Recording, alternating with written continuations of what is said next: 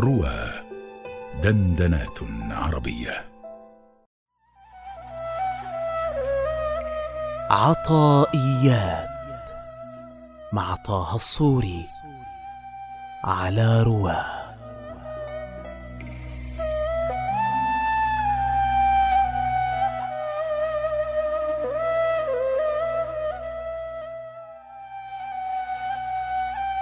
لما علم الحق منك وجود الملل لون لك الطاعات وعلم ما فيك من وجود الشره فحجرها عليك في بعض الأوقات ليكون همك إقامة الصلاة لا وجود الصلاة فما كل مصل مقيم فما كل مصل مقيم.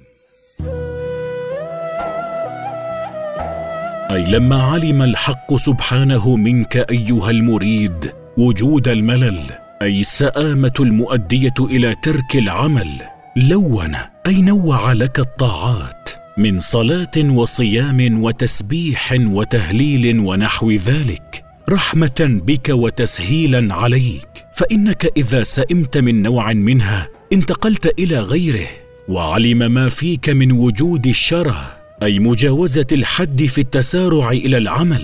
المؤدي ذلك إلى وقوع النقص والتقصير فيها فحجرها أي منعها عليك في بعض الأوقات. فإن الفرائض يمتنع فعلها في غير أوقاتها والنوافل لا ينبغي فعلها في وقت الكراهة وإنما فعل ذلك ليكون همك إقامة الصلاة أي تعديل أركانها وتوفير شروطها. وتكميل آدابها ظاهرة وباطنة بقدر الطاقة لا وجود صورة الصلاة فقط.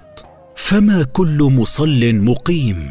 لأنك قد علمت أن المقيم للشيء هو القائم به على وجه الكمال من غير نقص ولا إخلال. فتلوين العبادة وتحجيرها نعمتان على المريد. يزول بهما الملل والشره القاطعان عن حسن طاعة العزيز الحميد. وإنما مثل المصنف بالصلاة دون سائر العبادات لكثرة وقوع ذلك فيها أو لكونه أراد أن يذكر شيئا من فوائدها.